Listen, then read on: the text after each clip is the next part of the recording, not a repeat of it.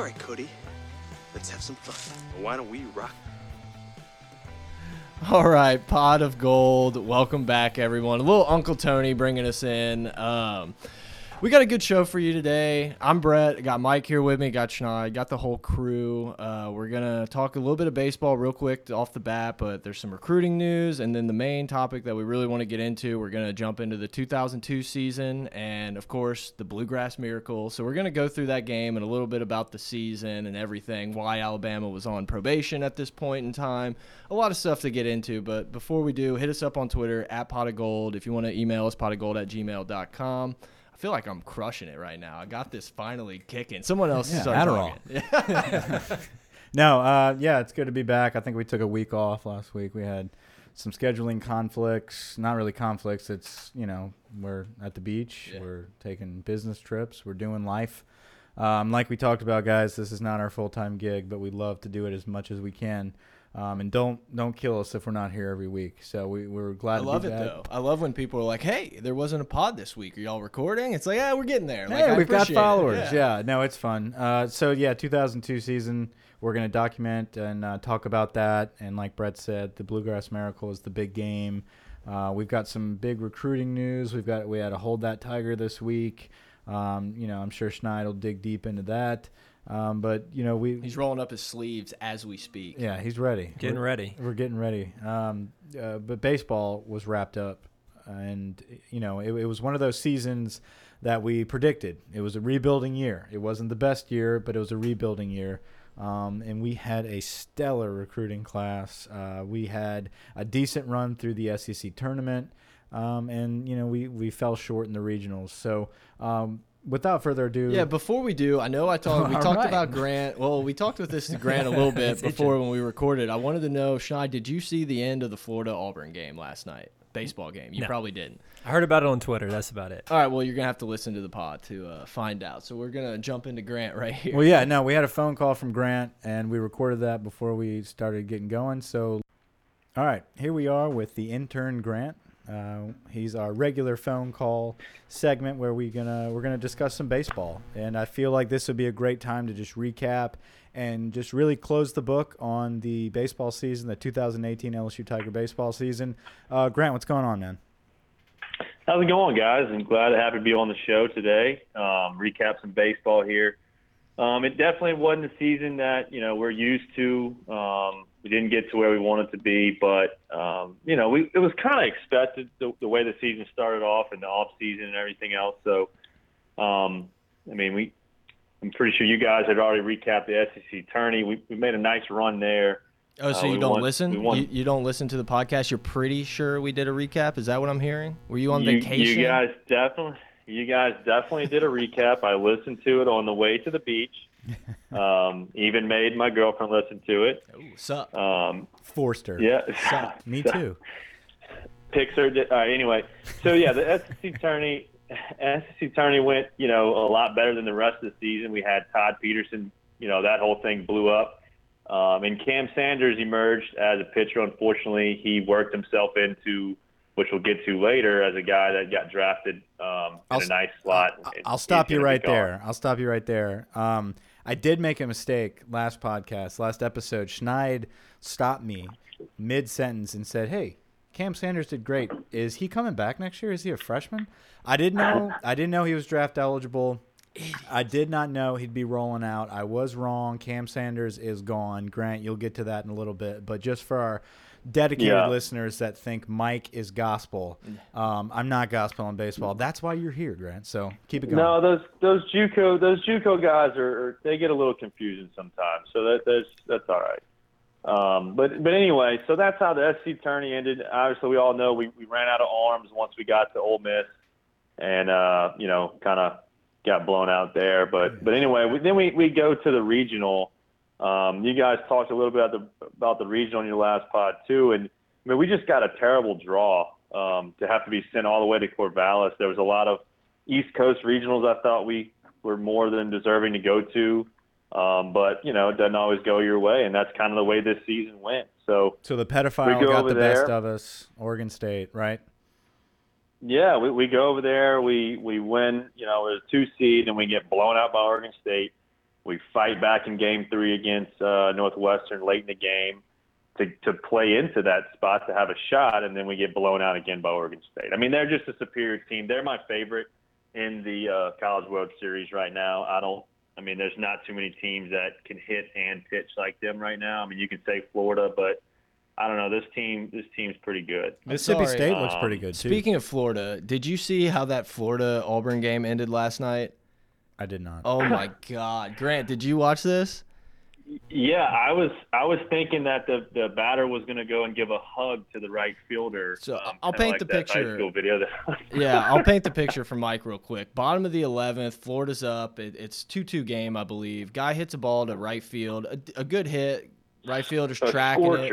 Scorcher. Yeah, and it's like right at the warning track, and he kind of does this little hop. The ball is definitely not going over. Hits him right in the glove, pops over the fence, walk off home run. Oh, It was un. I just sat he- there stunned.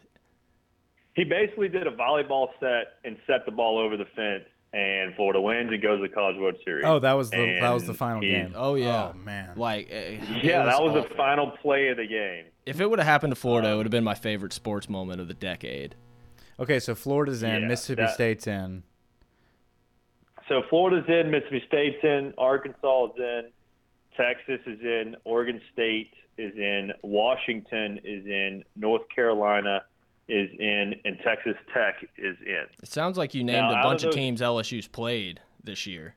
Yeah, so so out of those eight teams, we've played five of them, and uh, so those teams are Florida, Mississippi State, Arkansas, Texas, and Oregon State. Against Florida, we're one and one.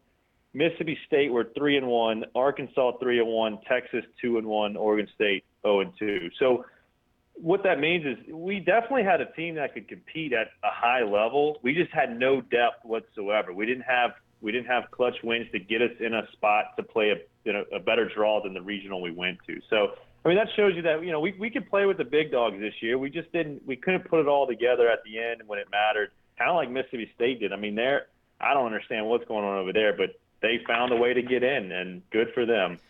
Well, you Um, know, and something we discussed earlier um, in the season was that LSU baseball can afford to have rebuilding years. They have they have earned that right. I mean, you're in the national championship the year Yeah. before, year in and year out. You're in Omaha.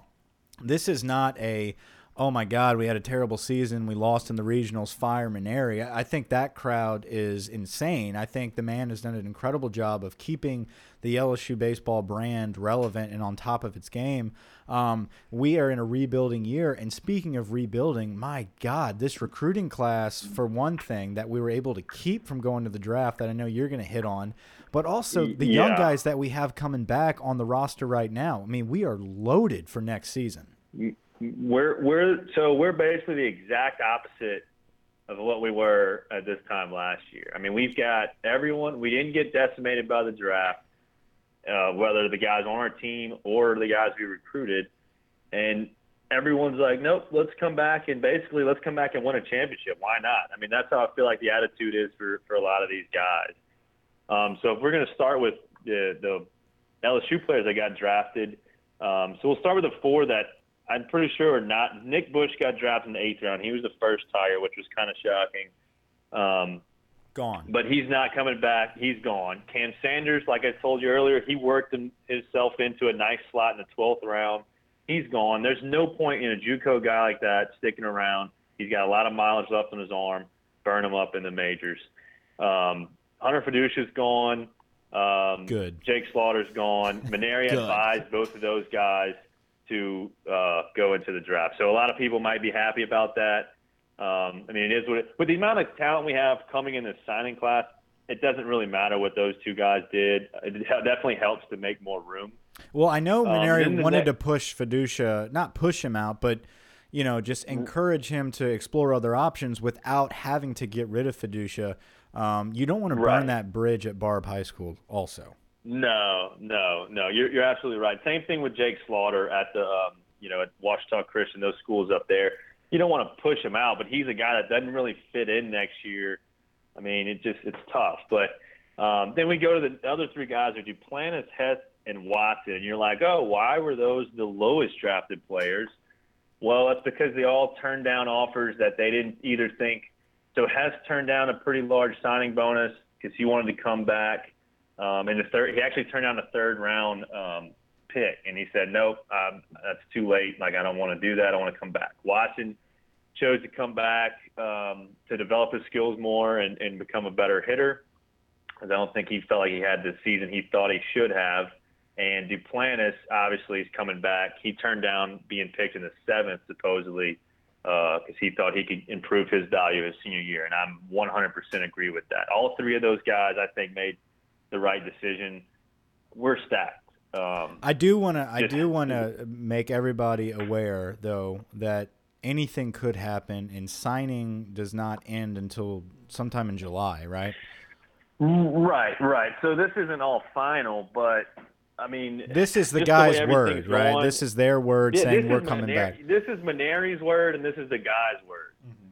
So take it for what it's worth, but that's basically coming straight from their mouth. So, um, and then the other two guys of note, uh, we had two guys already that we know were transferring, and that was freshman Nick Webb and uh, uh, junior Taylor Peterson. Um, those both of those guys are transferring out. Not Todd. Uh, the program. No, not Todd. Uh, definitely not Todd. Todd is that's once again we're stacked. Uncle we're, Uncle Sal. We'll get to we'll get to the projected lineup at the end of this, but um, but anyway. So if we look at we look at some of these freshmen that we have coming in, yeah, so we had uh, and Mike before you get going, that's really what I wanted to hit on because I feel like, especially as someone who's not all in on the baseball, I feel like every year we get these top guys. I'm like, oh, the one of them that comes to mind, I don't know why, is Delino DeShield's kid. It's like, we got this dude. Right. And then he gets drafted and we never see him. And I feel like that happens so often at LSU. I mean, if Bregman didn't break his hand, he never comes say, to LSU. I was going to say, every, yeah. every now and then you get an injury and you, you actually get the Alex Bregman. So before you really break these down, the, what I really want to know is are we going after that little bit lower tier guys who we don't think are going to go, or did we just happen to get lucky? You know, yeah, we got take lucky me through that. And we, we got some of those top dogs to stay. One of which, um, there's one guy though that is the Alex Bregman that is probably going. I saw that. Yeah. Um, but it's still he hasn't agreed to anything. He's kind of like lingering. It's yeah. probably not going to happen uh, with LSU, but the rest of the guys, you got Landon Marceau. I'm gonna let Grant get into this, but you got Landon Marceau and you got a couple other guys that are almost on that level that passed like second round money because they were really yeah. wanting to come to school. So we we have an incredible class that we're holding together right now. Yeah. So so like Mike was saying, you had basically there's four big time pitchers, big time arms that each turned down you know six seven figure deals because they wanted that LSU experience. They wanted to basically come and win a championship, and that was uh, Cole Henry. He's from Alabama. Landon Marceau from Destrehan. Uh, Jaden Hill from Arkansas, and Easton McMurray from Bakersfield, California. Big kid. Easton's six four, two hundred pounder, left-handed pitcher. Yeah, all you know, so all of those pitchers I just named are basically six four and above, except for Marceau, but he throws ninety five. So Marceau's the best one. Yeah, and he's from here. He's from Destrehan here in Louisiana. So pitching wise, getting those guys, they're the they're the front runners. I mean, we did we actually signed a total, or we have a total of nine baseball commits from this class, which is a pretty large number to help just solidify that bullpen and, and potentially even starting rotation. I mean, we saw what happened with Ma'Khail Hilliard this year. Who knows what these freshmen can do? Um, so we got nine pitchers. Those four though are going to be the ones you want to you want to watch out for next year. That's Henry, Marceau, Hill, and McMurray. So that's that's the big dogs there. On the pitching side, um, we also got a JUCO guy coming in, another pitcher, 6'5", 225, Aaron George. So that's a that's a pretty big kid right there, throwing the throwing it pretty hard. Uh, obviously, Bryce Turang is the the number one recruit from this class. Uh, he's a first rounder. Yeah, I mean, he's the guy out of California. Yeah. He is your Alex Bregman of this year, maybe a little bit better coming out of high school. 6'1", 170, um, just a pure shortstop. Would come in and immediately be the best player on the team.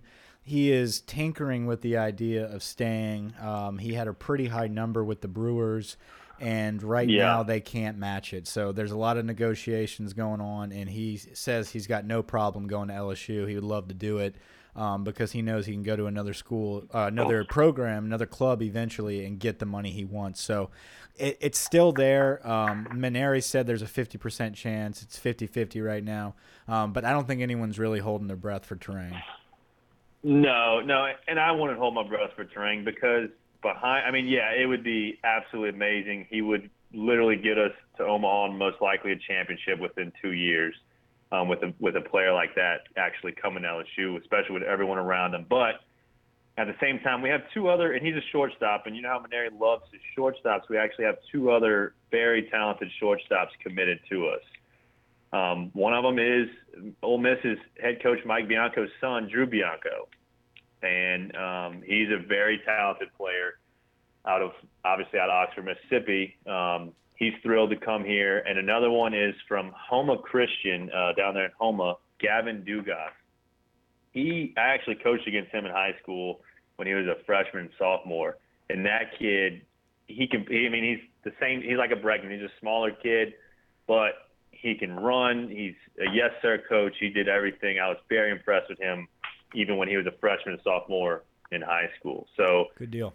infielder wise, that, that's some pretty big, pretty big dogs right there. If we don't get Turang, Um, who's the Who's the guy in the outfield we were talking about earlier? Um, he's like I got an Italian name.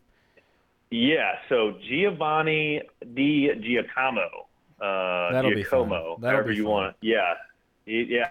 I- I'm interested to see Chris Blair say that one over and over again. But he'll be. I mean, obviously we have all the outfielders coming back in Watson, Duplantis, and Cabrera.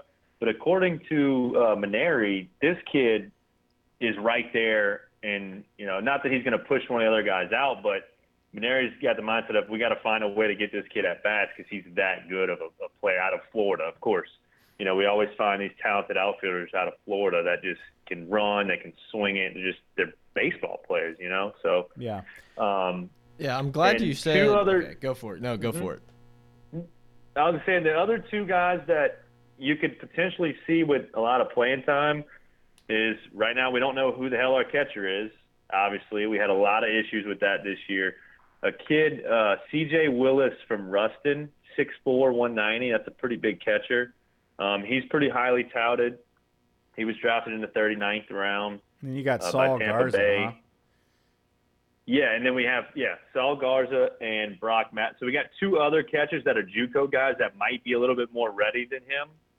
But, But he's your future. He's your future guy.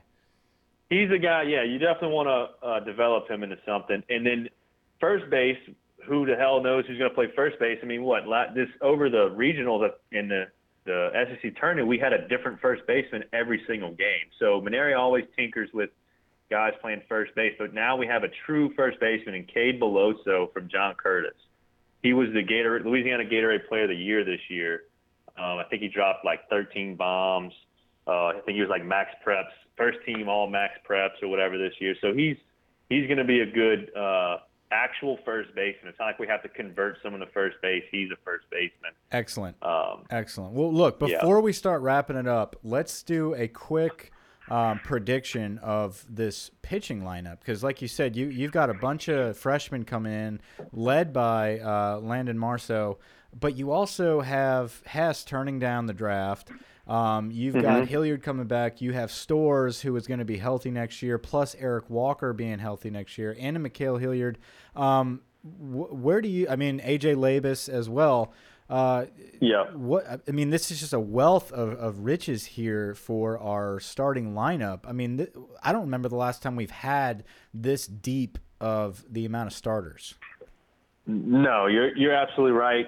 Um, us, if we if we're assuming that Hilliard is healthy because we know he sat out the last uh, weekend of the season, if Walker comes back to 100%, which I've heard he's been throwing, um, Labas has got to get healthy. And Storz, if those four guys get healthy, then we're not even talking about these freshmen that we just named because those four guys are would start for any SEC program in the rotation.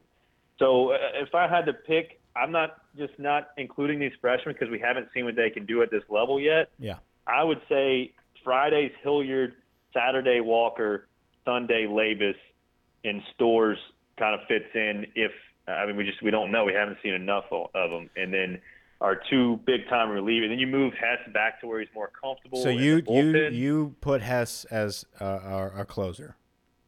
Yeah, yeah, he's the seventh, eighth inning guy, and Peterson's the ninth inning guy, or vice versa. I mean, it, it's a good problem to have. Or who knows? Hess is your Friday guy, and now we've just got a thousand starters that are relievers now all of a sudden, or midweek guys, or you're getting them ready for the SEC tournament into the the region. I mean, we talked about this before. Mainieri just builds his roster to have not three stars, but to have five stars, because that's how you win the College World Series, is to have more than three guys that can go further than five or six innings. Well, that's an excellent problem to have, man. The, the future looks bright. Yeah. Uh, yeah, it, it's almost like, damn, it's so far away from now. I mean, I, put it this way: a year from this is the year that it's like, okay, it's Omaha or bust. Yeah. You Yeah. know, um, it's definitely an Omaha or bust year. If we don't make it to Omaha, I can understand people saying fire Mainieri, assuming it's not because of we got decimated by injuries again. Yeah. Um, No, So, I, I think next year is definitely going to be a hell of a year, and we can't wait to document that. Um, look, last word uh, before we wrap it up here on baseball. Um, obviously, we've we're really appreciative of all the information that you've brought us uh, throughout the season. We've enjoyed this. Um, I don't know. We're going to have to have an executive meeting about um, your, your promotion from the intern role. Um, give us a last word and also your predictions for the College World Series. Um, I'll start with a prediction. I think, um, uh, like I said, I think Oregon State. I mean, they're my favorite. It's hard to go against Florida.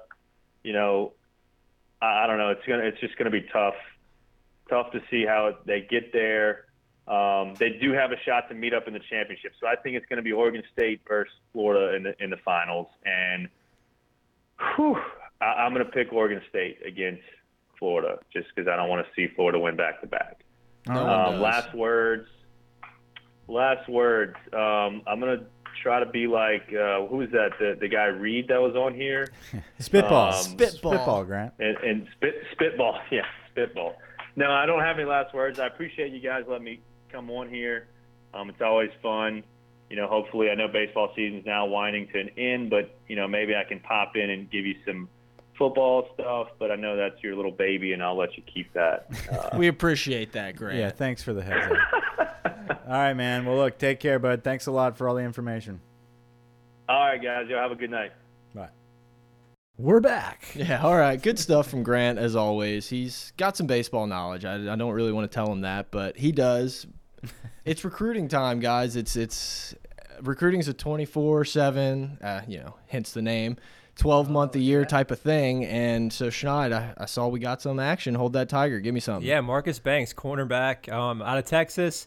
Um, he's kind of a guy I don't really know a whole lot about right now because his film, like Mike was talking about before the pod, there's not a lot of great film out there for him. He's kind of a guy that's a late bloomer that's exploded on the camp scene. He's a three star right now. He's the 396th ranked prospect in the country. Slow, but um, I'm just kidding. I mean, he's got a great offer sheet. He's got A and M, Alabama, Auburn. He's got the big schools, Georgia, coming after him. I think he's a guy that's really coming on late, and you're going to see how his senior season plays out. Yeah, he's got he's got an excellent offer list. Um, and I was reading a lot about this kid, and I, I watched a lot of film on him. I, I feel like this is an offer based on potential, on development. Um, but you got to really think about where we are in the state of Louisiana and uh, the coaches that we have in Corey Raymond, the evaluation process that we have at defensive back. There's guys in this state just stacked up begging for defensive back offers. And when you offer a kid out of Texas uh, based off of potential, that's a good offer. You know, I mean, this kid jumped on it. You've got, like you said, you listed out some of those big time other schools that are after him. Uh, I'm not saying he's bad. That's not at all what I'm saying. Um, uh, compared to the Derek Stingleys and uh, Bush from Karr, that I feel like we can close with. He might be the lesser of the three, but I said the same thing about uh, Greedy coming out of high school. You know, it was a guy that was lanky, uh, had good coverage, wasn't didn't really s- jump out on his highlight video, but just was really you know he blanketed the receiver. He played with good technique. He was rangy, um, just a very good athlete that is very humble and you know trying to learn the game. I feel like he's killed the camp circuit, and that's where a lot of his offers have been. Uh, he could be a late bloomer, but nonetheless, this is a great get to build this class. Uh, this class is looking excellent, and I, I feel like we are at the cusp of it's about to explode. We've got a commitment, hopefully pending uh, June twentieth. Derek Stingley um, is set to make his commitment between Florida, Texas, and LSU. Uh, there's some more big news from Stingley that just came out. What was that? He's the new number one overall player in the country on Rivals, and uh, it's well deserved. This dude is a stud. Uh, I think on their website they compared him to Patrick Peterson, and he he warrants that kind of praise. You know, Patrick Peterson or Ramsey. He's just he's a stud cornerback. He's every good as every bit as good as Patrick Surtain last year. So you get Better. him, Bush, and Banks. That's a hell of a, a cornerback class, and and, And we know, need a cornerback. We need to kind of fill need, up some we of need those that guys. class. And you know, a lot of guys, you know, like Banks, a lot of our best cornerbacks have been the guys that are projects, like Yeah. you said, Greedy and Mo Claiborne. So you bring him in, he can kind of develop behind a Stingley. I think it's a great, you know, a great fit. Yeah, absolutely. I think Stingley. I- feel like Stingley's a lock, but I, I hate saying that because that holds no weight for me anymore. We said we said it last year with Surtain. Right. Um, and speaking of Surtain, I, I think this kid's better than Surtain. He's an all around good. better athlete than Surtain. I think Surtain is a big cornerback that can plug and play as a freshman. Um, but I think Stingley is a kid that can plug and play as a freshman, but it also could be your return man. That could also be a difference maker on multiple special teams. So I want to say he holds the record for most interceptions in a season. I think he Yeah. got ten last year. He absolutely destroys that division. I mean, he plays for Dunham. It's a smaller league, but still, he he crushes it. Um, so let's see. He he's committing on the twentieth, hopefully to LSU. All signs point to LSU. If you can get him, so uh, also this is the first time Rivals has ever had a defensive back as their overall Yep. number one player. So that's a big deal there because there's been plenty of good defensive backs. Never have they had one as the number one overall player. Stingley becomes the first one. So if you can pull Stingley, that'll give you, and let's say uh, Kristian Fulton does his two year sentence. Hopefully that Sentence. right It's He- unreal. comes back. You've got two number one corners Mm-hmm. um, from their respective classes starting for you on your corners next year. Yeah, we're loaded there. I mean, you, you have those guys, and then there's still, you know, you have another year at Kirkland, Vincent. We're gonna we're gonna be fine at DB. I mean, you still have the guys that are on the team right Yeah. now that could probably blow up and, and secure those spots to begin with. Um, so to go along with that, I think you've got um, Bush out of Karr, but he's going to prolong his recruitment. I think he said he's I think gonna, he's a summer commit. Is he? I, the latest video I watched was that he's going to take his visits and he he's He going to might. commit somewhere in the fall towards the end of Yeah, the season. I'm not sure. I want to say him and um, Dante Starks were both going to be Starks is commits. really flirting hard on Twitter. I, Yeah. I've been reading his Twitter, and everything he posts is pictures of him and Ed. He he, you know, he posts little images of you know, what if I was a, a tiger? You know, it's it's almost like man, that would be terrible if you went anywhere but LSU. He, he's all signs are pointing Yeah. to LSU.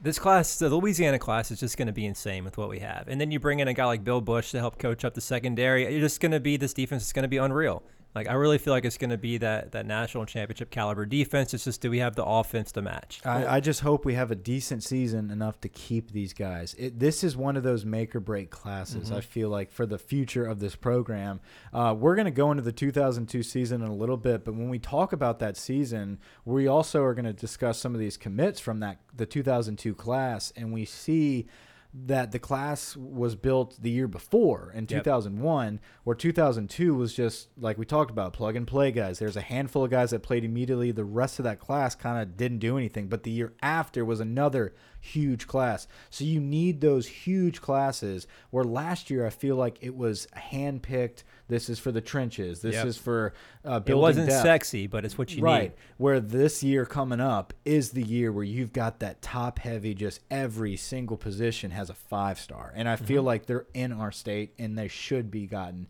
by ed. Um, and, and the first guy the first domino to fall obviously was Kardell Thomas but you could get the number one player in the country coming up at the end of this month.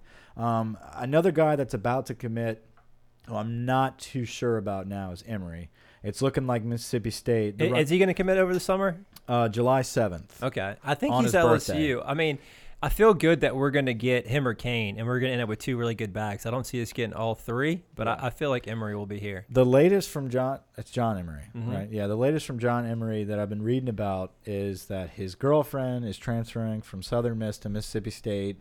He likes the angle that Mississippi State is pushing to to be the next Saquon Barkley, um, you know, because Moorhead, from Penn yeah. State, uh, where he's the bell cow. There, this is the running back we're taking this class. You're not sharing carries. You are our guy. And he's expressed, I want to be that guy. I want to play in the SEC and be the only back. Where he comes to LSU, who knows? Maybe Chris Curry is a stud, and Which he's got I've been hearing great things right. about him. You've got a guy like Curry in front of you, and then you're sharing carries with Tyrion Davis. So you know, I, I understand his view. I don't agree with it. Go I- spend a weekend in Starkville and come back to me. You know, I right. mean, I don't agree with it, but I, as a 17 year old kid that thinks he's the best running back in the country, I get it. Mm-hmm. Um, but man, if you can get Emery and Davis to go with Curry from last year, it's. I mean, Yeah, we're back to having that running back, you know, depth that we need. You ready for 2002? Yeah, I Let's think that I think it. that pretty much sums up our um, recruiting news. So 2002 season, man. This is uh, Nick Saban's third year Will Muschamp's first year as defensive as coordinator. coordinator. And You- Steve Ensminger, where was he? Where was Steve Ensminger where was at? things, we love this The segment. Schneid, where was he? Fan favorite Still the segment. head coach of Central and the AD, but also pulling in duty at the the wide receiver coach at West Monroe in 2002. Big So, time. Wait, uh, he was the. I guess he probably got fired that. Whoa, season. watch my margarita. he probably got fired that year, left, and then went to West Monroe's the wide receiver coach. I'm sure they probably had three or four five star prospects at receiver after he was there for a year. I'm sure he killed it. I'm sure they went undefeated. Well, we know you track Ensminger. What's he doing right now? He's watching Solo, man. He's the the crowd has died down, even though it didn't do good at the box office. He's been waiting to get a good seat by himself. Disney He's in there. Star Wars. Uh, it was it was not good. I Have you didn't- seen it yet? I didn't see. I refuse. It was it was very average, very average. Mike but I'm sure is- Ensminger loves it. I'm sure there's more out there, but Mike is like the biggest Star Wars snob, snob in my opinion. yeah, I remember talking about the uh, the Last Jedi, and he just he ripped it. Yeah, it. I didn't like it. I didn't like it, and, and it's already on Netflix. Like, what a joke! What Yeah, is it really? Schneid knows what he's doing tonight. it's Yeah. on Netflix at the end of the month. It, it Okay, comes to okay, Netflix okay. in June, And you're Uh, not gonna watch it again. Absolutely not. I mean, it's on Netflix. I might, s- I might skim it, and just hopefully it'll change my mind. But it's just like it's. Can you imagine if the trilogy was just chilling on Netflix? It'd be Yeah. great, yeah, right? Yeah, it'd be awesome. It would be amazing, but they earned that. It didn't. Wait, they didn't wait a year and was like, all right, you can stream it. Like you had to, you had to buy that box set. I was gonna say Yeah, you you know had what I to mean? spend I have the box 120 for the box set. Right. I, I'll give him credit. The throne room fight was pretty cool, though, right? there was good scenes. Spoilers, spoilers. Yeah, there was good scenes, but then there was also just jokes of storylines. Anyway, we're not Yeah. doing that. But oh man, But yeah, seriously, uh, we had a bunch of people hit us up that they said they really enjoyed the "Where's Steve Ensminger" segment. So I've we're, got his Wikipedia favorited, so I'm good. yeah, so it's gonna be a, a staple of the program. Um, eight and five. Yeah. that was our record in 2002. not the best year. We started off with a pretty tough thumping by Virginia Tech. Um, Well, you which- got to remember the year before was our big coming out party in 01 where we had our SEC championship. We finally made it, and then we had a big bowl victory, and we come in and shit the bed against Virginia Tech right out the gates. Yeah, I vaguely remember that because coming off the SEC championship, you're like, oh, LSU's legit now. Like, we don't lose. And so you kind of, especially being a young kid like we were, you kind of have that mentality where it's like, here we go. And it was not even close in that Virginia Tech game. What was it 26 not 6? Something like 26-8. 8. Yeah, we did get the 8. But then, you know, I mean, we rolled off a few victories against the Citadel, Miami of Ohio, Mississippi State, Lafayette, Florida, and South Carolina. Big win against Florida. Yeah. That's been a while since we were able to pull that off. Uh, so we're And it was at Florida. Yeah. Um, but the Florida game is when the table started to turn uh, because dumb coaching move uh, by Nick Saban What and an Jimbo idiot. Fisher. They kept Matt Mauck in way too long, and he was injured after we had a, a blowout victory, basically. Um, and he gets injured introducing Marcus Randall into the picture. Where if they don't make that bonehead move, we don't get bluegrass. Yeah, we probably win by 30 and go home. Yeah, Uh, but Marcus Randall steps into the picture and does pretty good against South Carolina. We end up winning 38 to 14, but you know it's South Carolina. Um, and then we lose to Auburn 31-7, and then Here we are. This is the big game, 33 to 30. Uh, uh, an incredible victory against Kentucky at Kentucky. 11:30 kick, man. What a shit show. Jefferson Yeah. Pilot Sports, man. JP Sports. I, I loved it. So then we we're going to go back to that game. We're just going to review the schedule. So we lost 31 nothing against Alabama, who ended up who uh, winning the West, but not representing the West in the SEC championship because they were on probation. Yeah, they were on probation. I had to look it up because anytime anti-Alabama, I just have to do it. And it's funny because when I tried to find it, I had to scroll through like 40,000 things of like NCAA violations to try to find this one in Yeah. 2000. But there was Pieces a, shit. a top player. His name was Mead, I think. Last name Mead. Means? eh, Mean, something like Okay, that. yeah. And they were tried to pay his high school coach $200,000 for to him to persuade him towards Alabama. Big old thing happened, and like I think seven schools yeah, he were had him involved. bid up against seven schools. Yeah. Yeah. Which Like great a job. Shea Patterson. Get your money. But yeah, so So what was it? It was Arkansas, right? The next game was Arkansas. Well, I'm saying Arkansas ended up representing Arkansas ended up representing the, The West, West, and yeah. they lost to Georgia 30 to three in the SEC championship. Uh, so it, it, it was supposed to be Alabama, but they actually were being caught back then. Um, so uh, let's see. After Alabama, we go to Ole Miss and we beat them in the Magnolia Bowl Oh, yeah, no, it was at LSU. at LSU. Sorry, This was 14 Eli 13. Manning also. Okay, there we go. Um, then War Memorial Stadium up in Little Rock, we play Arkansas, which we lost 20 to 21. Um, and then we lost to Texas in the Cotton Bowl. I don't Um, remember that Cotton Bowl. I remember that I just Bowl. don't. Was that Roy Williams, Uh, the receiver that they had? Uh, Roy Williams. Was that? I think that was that year we That's played. good them. radio. we can probably look it up. Probably. Um, yeah, I don't know why. I mean, we've talked about it, and like every time. Chris Sims was the quarterback. Yeah, people will like refresh my memory, and I just can't. I can't wrap my head around that Cotton Bowl for some reason. Um, I, rem- I whenever we were talking to Zombie Bob on that podcast about our earliest memory, this was one of those games where I vividly remember it was like the first time I watched every play of an LSU game. For some reason, I was just thrilled um, with this Cotton Bowl. We had a really good running game that year, and then obviously looking back, I know why. It's because Marcus Randall was garbage, um, and I feel like we just ran the shit out of the football, um, but we lost. So you know, bad season. Uh, looking back, eight and five. Uh, I'm sure people were kind of questioning again. You know, here's Nick Saban. He won an SC championship in 01, but was it a fluke? Um, you know, obviously history tells us it was not because the next year obviously is the national championship year, and we can't wait to dive into that next week. Uh, but without further ado, you guys want to go into Kentucky and talk about the Bluegrass Miracle? yeah, I mean, this was a Hal Mumme led Kentucky team, kind of the father of the air raid. So they were a little maybe ahead of the times. Kentucky was a, a good team, not a great team. They were uh, on the backs of Jared Lorenzen, the Pillsbury throw boy. Wait, Mumme was the OC or something? I'm pretty sure he was the head coach. No, it was Morris. Oh, that's who it was. Well, Mumme was on that. Ah, I completely, I completely swapped two teams in my head. I think he was at UAB like last year when LSU beat them.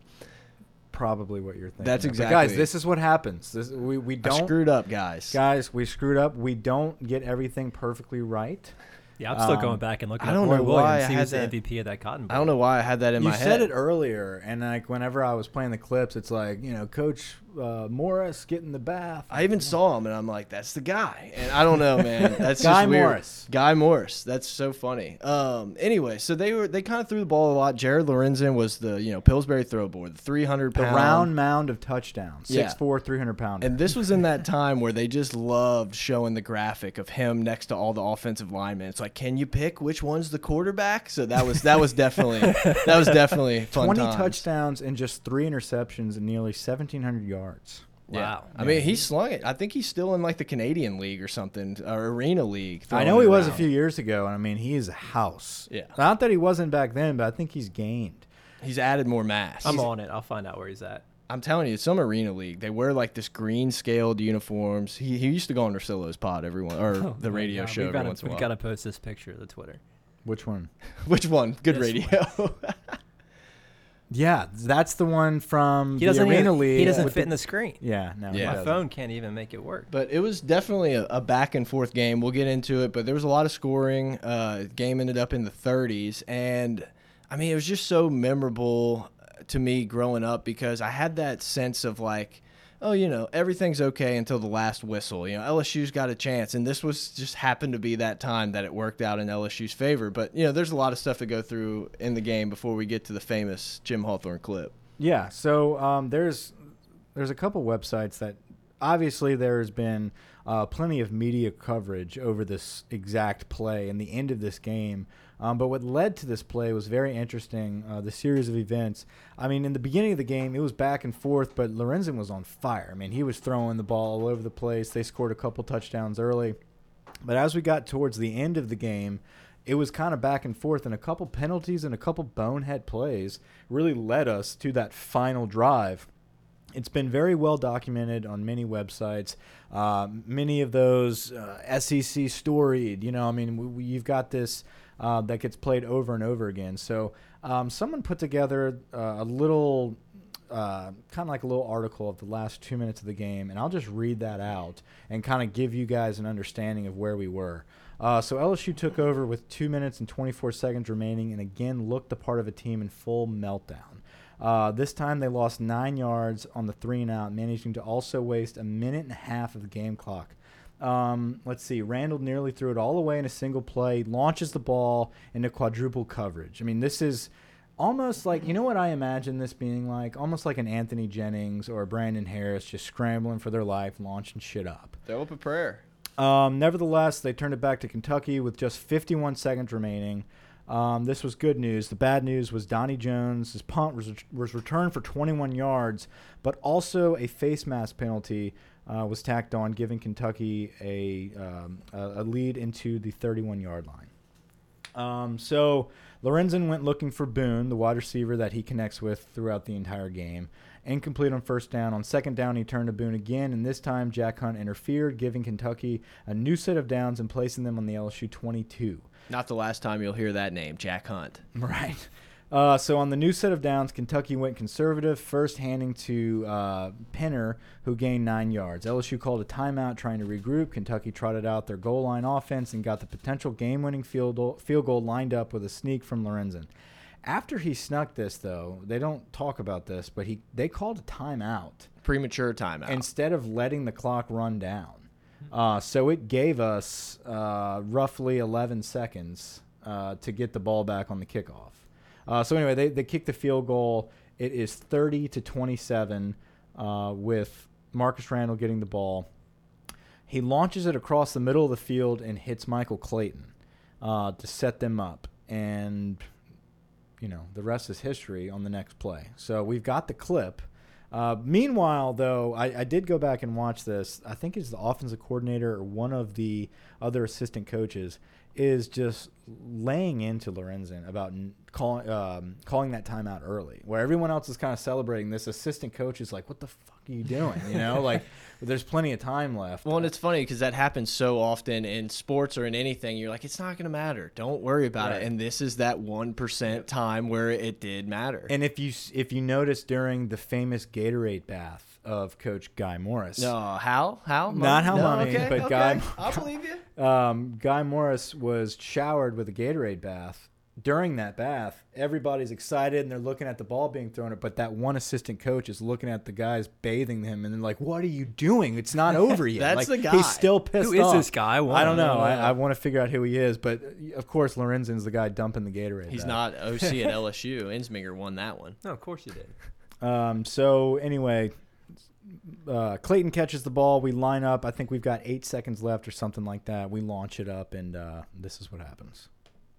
Randall stops, throws it as far as he can. Count, count, touchdown! Jack Hunt caught it and scored. Last play of the game, I don't believe it. I do not believe it. Any LSU fan can just close their eyes and just hear that call. I mean, that is just the most iconic call for me of all time. I'm sure all the other LSU fans, but it's just like before I even played it, I'm saying, do not believe it. And I haven't heard that in so long, but it's just, it's something that will resonate with you forever. This is just a moment. And for those that don't know, it was not Jack Hunt. Um, he got him confused. With, Eight and nine. Right. He got the numbers confused. Skin color be damned. Right. So Jack Hunt was a white safety uh, for LSU, and Devery Henderson uh, was a wide receiver. um, who was not a white safety. So a Super Bowl champion, a national champion, and he said the thing people talk to him most about is catching that pass. right. So He won an ESPY for it. that's incredible. Yeah, that's great. Um, Jim Hawthorne uh, definitely regrouped and I got love his, Chris- got his name right. I love Chris Blair. I think he does a great job, Yeah. but man, I miss I miss I miss the excitement in Hawthorne, man. Yep. It, it was just these moments like this where he was he was just so He's like into a the kid. game. He wasn't worried about his call. He was more worried like he was in the game. Yep, it almost it's like I don't know. It's almost like you throw me in there. I'm just you're so excited and you just scream and it's like I don't care if I'm right. Hunt! Yeah, it's just I love it, man. I miss Hawthorne. Uh, but th that's an exciting game uh, that we'll always remember. And without us looking back right now, I wouldn't have remembered that we opened the season losing to Virginia Tech. I don't remember that. I remember we won the national championship in 03, and the only thing I really care about the 02 season was the Bluegrass Miracle. Yeah, Yeah, I and a think for a lot of us, this was our first memory. I, I remember I took a family Yeah. vacation to Seattle, so I had to get up super early for this game out there to watch it, and it's really you know the first memory I have of LSU football. Yeah, I mean, I think I've said it on the pod before, but I just remember watching in my living room. Parents went to the back to get ready to go do something, but you know, as a 10 or 12 year old kid, I was, oh, there's still a chance. There's still a chance, and we run, and I ran, and you know, screamed and everything. It's just I, that's literally the first thing I just really, really remember, like being all in. Yeah, and I think we were all all in from here on. Yeah, I- I- absolutely. I, think at this point, I mean, 2001, I feel like everybody was watching. We were kids. Um, It helps the next season went in LSU's favor, and Right. that just kind of boosted it even more. Exactly. So you know, in, in this 2002 season, there was a lot of games that were exciting like that. Um, you, you know, you got the Bluegrass Miracle. I specifically remember, vividly remember, uh, the Cotton Bowl against Texas. Um, and I, I feel like that really just connected me to LSU football. And it was just those exciting moments like the Bluegrass Miracle that the whole world was talking about that got a 12 year old's attention. Um, I, I feel like if that wouldn't have happened, it just kind of would have been like any other LSU season. It would have been a poor season. Um, and then the next season was a national championship. And then you know, I was done. You know, Yeah. after that, I was done. I was hooked. Um, let's see, that 2002 season, though the recruiting class, so the freshmen of that year, the 2002 LSU football recruiting class, like we discussed earlier, was not just a stacked class like the year before, but you did have guys like Cameron Vaughn, uh, who was a four star prospect out of Shaw, uh, 6'3, 220 pound linebacker. You had Skylar Green Yep. out of Higgins, who was a four star athlete, all purpose back that played right out of the gates as a freshman. Difference maker. I mean, what a hell of a guy to sign him out of um, out of Higgins uh, in Marrero, Louisiana. Uh, a guy that was a difference maker for many games that we will probably discuss uh, in the next coming weeks.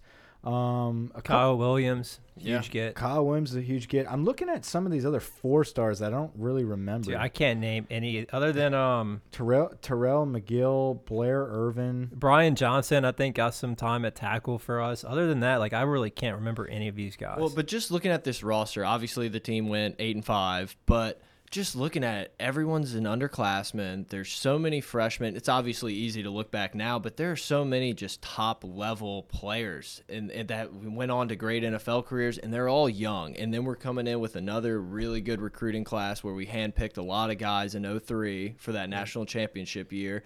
And it's like, yeah, I you can see it. Like you you can kind of see Nick Saban's vision and how Yeah. they wanted to build this team, and it's just cool to do. I'm really glad we're going back and looking at all this. Kyle stuff. Williams is still in the league. Kyle Yeah. Williams is still pounding it out, and I, and he played a lot as a freshman. Looking Yeah. at the stats here, and then you got Nate Livings. I remember him, and then look, Lester Ricard was a big time four star quarterback out of a meet. He ended up not actually playing for us. He was with us for a little while, then actually transferred to Tulane and became a star over there at quarterback. But um, that was another big get at quarterback.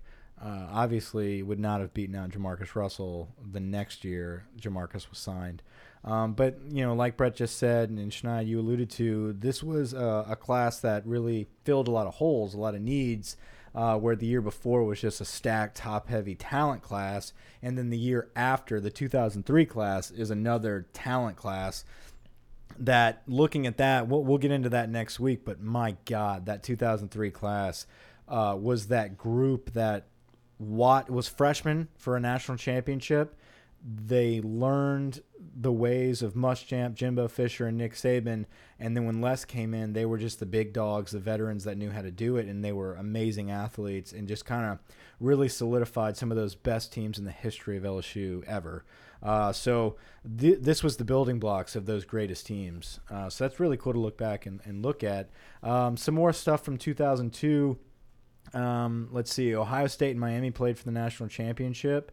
Uh, Ohio State defeated the defending champion Hurricanes 31 to 24 in a That was very game. controversial game. Yep. Yep.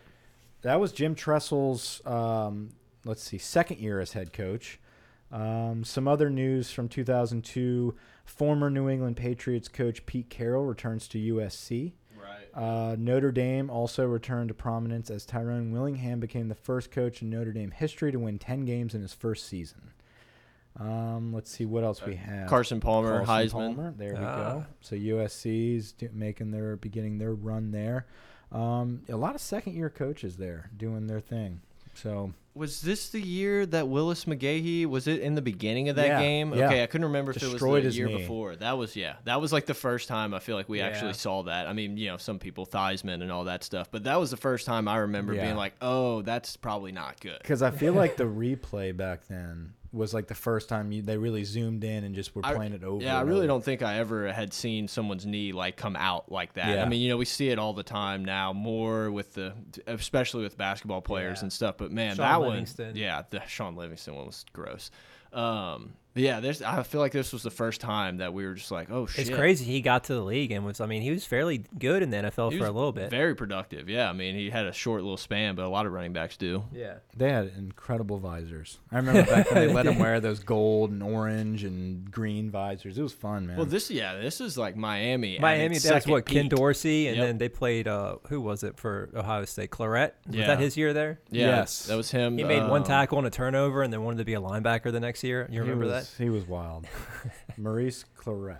Yeah. Right? Yeah, Um, they had a bunch of that. That that game had so many NFL players in it. I mean, if we Oh, would have yeah. pulled that up, there's just probably a few still scattered around the league. there was no debating that that was the top two teams to play that year for the national championship. Yeah, I mean, it may be different, but I feel like everyone assumed Miami was winning that game. Now, you know, obviously, who knows? They did apparently. Uh, you know, if it wasn't for an interference call, It was very close. controversial. It was there. close, but you know, this is just another national championship game that was really good. You know, pretty soon that Texas game, USC Texas games around the corner and everything. And I don't know, man, this is just a fun time for college football. Yeah. Speaking of fun time for college football, man, I'm getting excited for this season. Ugh, I'm watching highlights. I'm reading up on on teams and their rosters, their signing class, what freshmen are going to be good. I mean, man, I can tell I'm getting excited because I get nervous. Like I start to like I'm just sitting at my desk just clicking away on the keyboard and I start like, "Oh my god, what if what if we don't know what we're doing on offense?" like I, I, all these thoughts are creeping in. I'm like, "Okay, we're getting there. It's football time." I know. I'm, I'm getting my living room squared away. I'm just kind of like, all right, I might need to buy a new chair here because I need to, you know, I really need to focus this season. I've tried to figure out how to hide a second TV for at least 2 years now. Hadn't hadn't come up with it I'm yet. pretty sure she'll let you have it on Saturday. Yeah, we'll see. We'll see. I don't know. Just on Saturdays. We'll see. Anyway, so yeah, guys, next week we're going to dive into 2003, which is the pinnacle of the golden era. I mean, mm-hmm. 2003 national championship year. I don't know what game. Other, I mean, you know, Oklahoma national championship. That Georgia game that the year, Georgia, right? Georgia game. game. I mean, But Florida was the loss that year. Uh, you know, obviously don't want to talk about that too much, but I think Skylar Green's punt return was the only score in that game for LSU. There's so many things, and look, guys, I think probably, especially it being a national championship year, and there's not as much going on. We don't have a baseball segment. We don't. Hopefully, we have some recruiting news, but I think maybe we can just dive even deeper into this 2003 season and you know do a full hour on it instead of giving you the 25 minutes or so that Yeah. we did. I think Ensminger makes a move in 2003 too, so we can spend a stay lot of time on that. I think he gets back into the college football ranks, so that's a big deal for him. Stay at that point tuned. Our, our boy uh, Lamar K. Stevens on Twitter, by the way, um, he suggested talking about um, something other than the greatest games. We can include maybe some of those big time moments, and like you just said, Brett, there's there's a lot of stuff to talk about from these seasons. Yeah, and I feel like we're beating a dead horse, but we were still so young during this time that in a few weeks, whenever we get into those like 07, 2010, like those type of years, we were at most of those games, or at least we were all in. So I think we'll have a little bit better memory. Probably you guys at home will have a little bit better memory. And uh, I think it will just get more fun as we do this for sure. I mean, I'm having fun. We really enjoy hearing everybody, you know, talk about the Ensminger thing and people hitting us up on Twitter for ideas and every. It's just been awesome. So hit us up on Twitter at pot of gold, Gmail pot of gold at gmail.com. Um, Anybody? Anybody? Yeah, Kim Jong Un and Trump shook hands. I think that's it, guys. I think that really just sums up our Westworld. Sums up everything. Westworld. Yeah, it's been it's getting stronger, but it's pretty average. The I know last- Mike's off the boat, right? I uh, I canceled my HBO subscription. I I'm- wanted I'm to be out. fan. I wanted to be out, but honestly, canceled the, the whole HBO. That was the only reason I got it because I was gonna try Can't believe Westworld. this. uh, what do you watch on HBO? Game of Thrones. Oh well, yeah, but I mean, what are you gonna do? Hold the subscription for 18 more months to wait for Game of Thrones to come back? for it. Yeah, well, John Peel. but no, the last two episodes of Westworld I thought have been really good. Yeah, it's brought have. me back because I wanted out. I wanted out. There's wife too many like, episodes no. that don't advance the plot. That's the problem. I feel like there's just a lot of filler the- episodes. I don't know the plot. What's the plot? I I don't know. They, they just try to confuse you. They try to be really smart, and I think sometimes that kind of hurts the entertainment value of the show. Yeah, making me feel dumb is not how to get me to keep watching. Yet I still am. I don't really Just have. get on the right track. I don't have anything else. I think wanna- we're good. I think, uh, like I said, 2003 next week. Looking forward to it. Over and